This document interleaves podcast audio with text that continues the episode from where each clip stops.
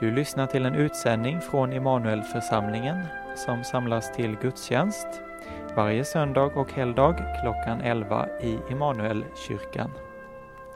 För information och kontaktuppgifter gå in på hemsidan immanuelforsamlingen.se.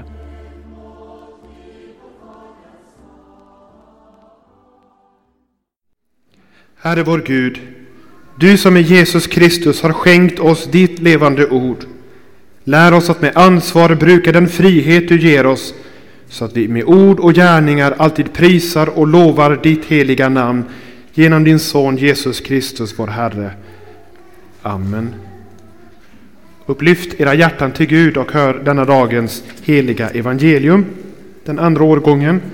Så skriver evangelisten Johannes kapitel 8. Jesus sa till de judar som hade satt tro till honom. Om ni förblir i mitt ord är ni verkligen mina lärjungar och ni ska förstå sanningen och sanningen ska göra er fria. De svarade honom. Vi är Abrahams barn och har aldrig varit slavar under någon. Hur kan du säga att vi ska bli fria? Jesus svarade. Amen, amen säger jag er. Var och en som gör synd är syndens slav. Slaven bor inte kvar i huset för alltid, men sonen stannar där för alltid. Om nu sonen gör er fria blir ni verkligen fria. Vi ber Herre, helga oss i sanningen, sanningen som gör oss fria. Ditt ord är sanning. Jesus är sanningen, hos honom finns friheten. Skriv honom och hans ord i våra hjärtan. Amen. Vi hörde om slaveri, vi hörde om frihet, vi hörde om befrielse. Men vad är det för ett slaveri som Jesus talar om? De som lyssnade på Jesus kunde inte precis tycka att, att det var så relevant att tala om slaveri. De var ju fria, fria Abrahams barn. Men för Jesus verkar det vara precis tvärtom. De var mer förslavade än vad de kunde tro och medge. Men vad är det då att vara fri? Vem är fri? Och vad menar Jesus med frihet? Och hur blir man fri? Går det att vara fri? Ja, låt oss sammanfatta evangeliet i tre punkter. Slaveriet som Jesus talar om, friheten han talar om och befrielsen som Jesus ger. Först slaveriet. Om man skulle fråga en vanlig svensk idag vad frihet är eller vad frihet betyder för dem så skulle nog många eh, ungefär säga att, det är att man kan göra vad man vill och vara där man vill vara. Vi lever i Sverige och inte i Nordkorea eller i Syrien. Vi har eh, åsiktsfrihet, vi har yttrandefrihet, religionsfrihet, mötesfrihet. Ja, vi har sånt enastående välfärdssamhälle och så många möjligheter att de flesta skulle säga att jag kan forma mitt liv som jag vill. Jag har en frihet. Vi svenskar, vi har aldrig varit slavar under någon, skulle vi kanske kunna säga till Jesus. Vi är fria. Är vi fria? Man kan ana på Jesus svar att, att vi inte är det. Ett syfte som vi har med fastetiden eller med fasta i allmänhet, man kan ju fasta eh, när man vill eller när som helst. Det är att, att säkerställa att man inte är osunt beroende av något. Ja, att man faktiskt i praktiken inte är slav under något. Ni vet ni kanske att traditionell fasta handlar om att avstå från mat under en längre period. Då ska vi komma ihåg hur det i forna tider var eh, mat var det mest basala och för många också det enda nödvändiga. Det handlade om, om, om överlevnad. Så fastetiden för dem som levde för mat det var att öva sig i detta som Jesus säger att människan lever inte bara av bröd utan av allt det som går ut ifrån Guds mun. Så blir det en övning i vems, vems slav är jag? Är jag matens slav eller är jag Herrens slav? Kanske att vi idag kan lägga märke till att det finns annat som har ett lite fastare grepp om oss än just mat. Även om det finns de som har buken till sin Gud, som Paulus uttrycker det. Och då skulle sådana här 40 dagars fast kanske inte skada. Jag tror att det finns många med mig som tänker på skärmarnas makt över oss i vår tid. Eller kanske snarare det som är i skärmarna som griper oss. Paulus skriver på ett ställe så här, ni drogs oemotståndligt till de stumma avgudarna. Och jag tror att vi kan känna igen oss i det här ordet oemotståndligt, så dras vi till något. Vi kanske är medvetna om det, men vi kan också vara omedvetna om det. Men vi dras i en riktning som vi inte kanske vill. Åtminstone inte när vi är framme dit vi dras. Det är oerhört starka krafter i det här. Och vad gör de med oss? Det finns de som med statistik kan visa att psykisk ohälsa bland unga liksom har ett direkt samband med hur mycket tid man spenderar vid skärmen.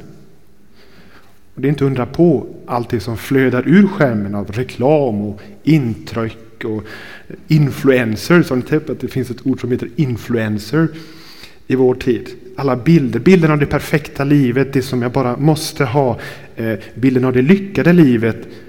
Det här, det är någonting som drar mig. Jag dras oemotståndligt till det. Och kanske att ingen av oss skulle säga att, att vi är en slav. Jag måste ju inte det här, jag kan sluta när jag vill. Eller kan jag det? Och vad gör hela detta intag av, av, av eh, ja, det som strömmar med mig? Är jag en fast punkt? Eller dras jag oemotståndligt mot något som jag inte kanske vet vad det är? Tänk också bara på hur stor del av dagens synder som är direkt sammanflätade med internet och nätets påverkan. Och det är mot alla bud, på alla sätt. Vi talar idag om näthat. Alla lögner, alla påhopp, alla hetsiga utfall. Och ni vet att på nätet där kan man skriva det som man aldrig skulle säga till någon ansikte mot ansikte. Och alla dessa sätt att stjäla och sko sig på andras bekostnad. Hur mycket begär efter hus, ägodelar, inflytelse, berömmelse pumpar inte igång när det liksom flimmar till för mina ögon jag ser något där. Och hur många konflikter har inte uppstått i hemmen som en direkt följd av telefonerna? Hedra din fader och din moder. Och hur många har inte blivit arbetsnarkomaner som en följd av att man kan ha sitt arbete i fickan? Ständigt uppkopplad. Och så har arbete, karriär blivit inte bara något gott utan det enda goda, en avgud. Och sjätte budet ska vi inte ens tala om. Eller det ska vi tala om, men inte just i den här predikan. Och så säger Jesus så här, var och en som gör synd är syndens slav när folket förvånat undrade hur han kunde mena att de var slavar.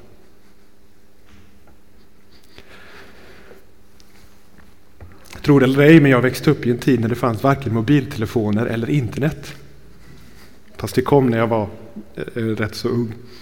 Och det gick att leva då med, tro det eller ej. Men vi var faktiskt slavar under synden då med. Även om vi inte var skärmarnas slavar.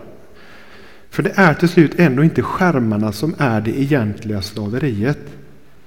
Faktiskt har vi Gud att tacka för ofantligt många välsignelser genom telefoni och internet. Kan du bara tänka på tacksägelseämnena med det här. Men det är som att skärmarnas inflöde har, har tagit oss liksom på, på, på sängen. Vi är oförberedda och oförmögna att hålla tillbaka den makt, den onda själviska makt inom oss som finns där och lurar i varje människohjärta. Och så har vi värnlösa tagit in det och blivit skärmarnas slavar. Men den makt som synden har över mina tankar, över mina strävanden, över mina val. Kanske att den makten bäst kan beskrivas som slaveri. Vilket betyder att jag inte är så fri som jag tror. Så sa Jesus. Om nu sonen gör er fria blir ni verkligen fria. om det nu var den här, det här slaver, syneslaveri som, som var ofriheten. Hur i hela världen kan Jesus mena att vi kan bli fria? Kan du föreställa dig själv så fri att inte någon som helst inverkan sker med dig i till exempel skärmarnas värld? Det låter som en som utopi att vara fri, att vara verkligt fri. Det låter som ett löfte som inte egentligen håller. Om det inte vore för att det var Jesus som sa det. Och så la han till att jag behöver förbli i hans ord. Som att jag kanske inte direkt förstår vad friheten är, vad den består i, vad det är jag behöver, hur den är möjlig. Och så ofta avfärdar vi Jesus alldeles för tidigt och låter våra egna tankar och känslor tala om för Jesus hur det borde vara, vad han menar. Men att lyssna vidare på Jesus och ta honom på orden, förbli mina ord och fråga honom vad menar du? Vad är det jag inte ser? Och redan bara i de här sex verserna som vi har hört så klarnar det åtminstone lite grann vad det är för en frihet han talar om. Jesus säger att synderna som jag gör, de avslöjar vad jag är. En slav. Jag gör något som är emot mitt eget väsen som människa. Och sen att skärmarna kommer in och liksom bara drar ut alltihop och gör det ännu mer uppenbart. Det må vara hänt. Men det finns där redan innan. Och så säger Jesus också att slaven bor inte kvar i huset för alltid. Detta slaveri har inget lyckligt slut, utan vi hörde också här förut att syndens lön är döden. Det är den yttersta konsekvensen av livet i slaveri. Det slutar med den skilsmässa från Gud där Gud säger ni ska vara heliga som jag är helig. Hur skulle vi ens kunna vara i hans närhet med slaveriet och allt det som liksom pumpar fram ur våra hjärtan? Hur skulle vi kunna vara där han är? Nu talar Jesus om en frihet som kommer av att vara son i huset, som får vara kvar i huset för alltid. Och han talar om friheten på ett så kraftfullt sätt att friheten är verklig i alla bemärkelser. Och vad är det i friheten som han kommer med? Hur är den möjlig? Hur kan den få vara också för oss? I Romarbrevet 7, vi hörde om det förra söndagen, så talar Paulus om syndens makt i honom. Och han kan till och med uttrycka sig så här. Det onda som jag hatar, det gör jag. Men så slutar han ändå med en jublande lovprisning till Jesus. Vem ska frälsa mig från denna dödens kropp? Gud vare tack, Jesus Kristus min Herre. Så finns nu ingen fördömelse, ingen fördömelse för dem som är i honom. Han Paulus, du, ja, en slav kan få säga det finns ingen fördömelse för de som är i honom. Du, ja, han får räknas som en son i huset för alltid. Det finns ingen fördömelse som slutar i horisonten. Och det hänger samman med att han, som var den äkta sonen, den rättmätige sonen som hade rätt att få vara kvar i huset för alltid. Han tog slavens plats. Ja, hela slaven, alla slavars plats och kastades ut ur huset, ut i gudsgivenhetens mörker på Golgata Min Gud, varför har du övergivit mig? Och kvar fanns ett paradis förövaren på korset bredvid. Ofri, fastfjättrad, på väg att sluta sina dagar i huset som den slav han är och var, men inte längre är. Och det är att vara fri. Det är att vara fri. och synden i din kropp är så väl omhändertagen. Syndens lön är så uppslukad på korset att den död som med allra största sannolikhet väntar på dig, det skulle kunna vara så att Jesus kommer tillbaka. Men den död som kommer, den har inte sista ordet. Utan Jesus, vars ord du ska förbli vid och som är sanningen, han säger, som han sa till den döda flickan, hon sover. Det är så han ser på dem som dör i Herren. De är söner i huset. För alltid. Även om de somnar en stund. Och i Hebreerbrevet står det att Jesus befriat från slaveriet av att leva med rädsla för döden. Och alla skrämmande konsekvenser som det skulle kunna innebära. Så står det också om Guds ande, att där Guds ande är, där är frihet. Och den friheten kommer att vara total, överväldigande, när anden blåser liv i de insomnade kropparna på den sista dagen. Och för första gången låter dig få uppleva vad det är att vara fri. Utan något som helst slaveri i kroppen. Och jag kan inte ens föreställa mig själv eh, hur det skulle vara. Jag kan inte se ett framtida Jakob, jag kan bara föreställa mig ett nutida. Eller jo, jag kan föreställa mig det genom att se på, på honom.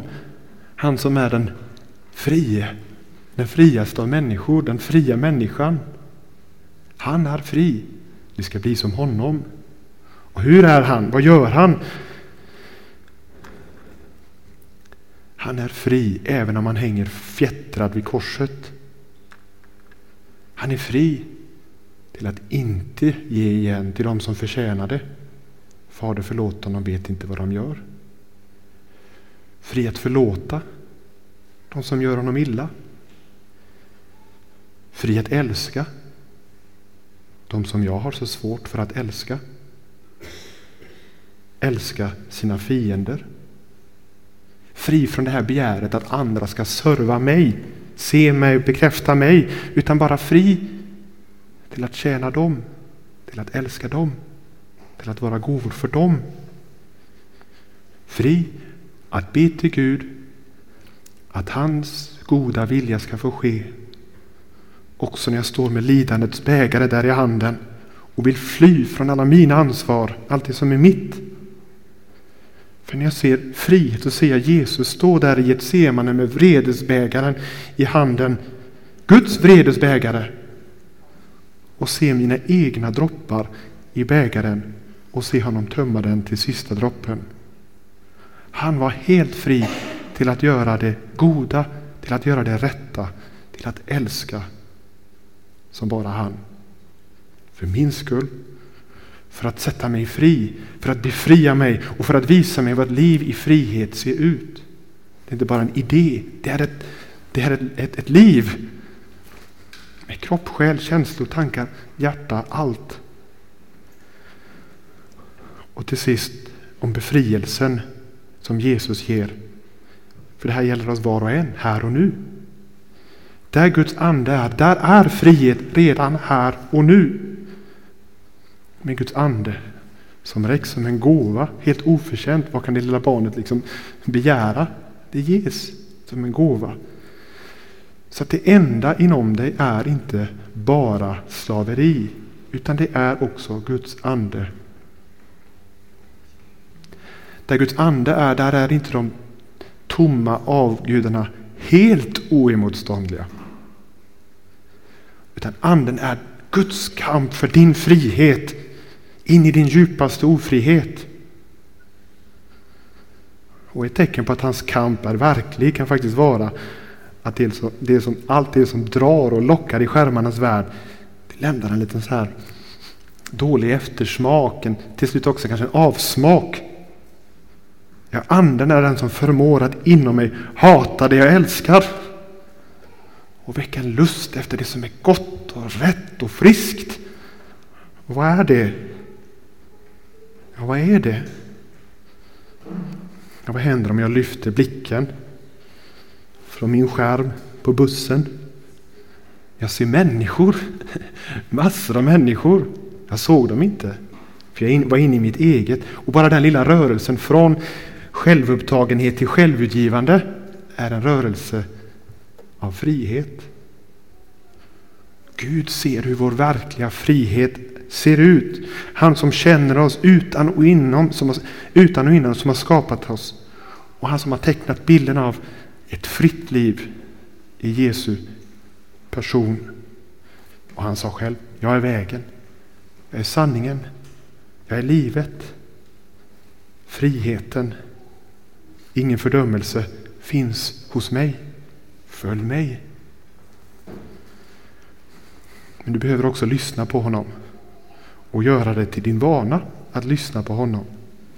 Om ni förblir i mina ord, sa Jesus, ska sanningen göra er fria.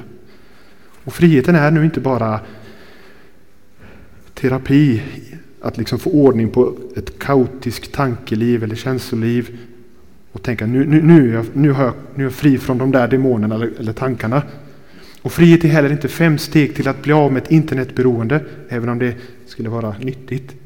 Utan frihet är hos honom, den verkliga friheten. Och hos honom ska du förbli tills du är fri, helt fri från syndens makt. Den som ständigt bedrar dig, vare sig det är i skärmarnas värld eller inte. Och som du inte kommer att vara fri ifrån förrän på uppståndelsens morgon. Och att förbli vi hos Jesus, vid hans ord och vid hans bord, det är både att se att den egna ofriheten, den är på allvar. Herre, gör mig fri. För bara du kan göra mig fri. Och att förbli hans ord är också att ödmjukt inse att ofriheten är förmodligen mycket större än du anar. Vi är Abrahams barn, vi är inga slavar, vi är svenskar, vi är fria. Men det är antagligen inte den friheten du menar Jesus. Visa mig du den sanna friheten. Även om det innebär att jag framstår som helt ofri. Gör det. För ingen fördömelse finns hos dig. Sanningen som gäller mig och mina hemliga tankar och drivkrafter, slaverier, de är inte längre, eller sanningen är inte längre min fiende. För sanningen gör mig fri när min blick är fäst vid Jesus, den korsfäste Kristus. Och jag får säga, du gör mig fri. Fri från fördömelse, fri från syndens och dödens makt, fri till att också tjäna och älska så som du så ödmjukt tjänar mig och så självutgivande älskar mig ända fram till Guds barns härliga frihet i himlen. Ära vare Fadern och Sonen och den helige Ande, så som det var av begynnelsen, nu är och skall vara, från evighet till evighet. Amen.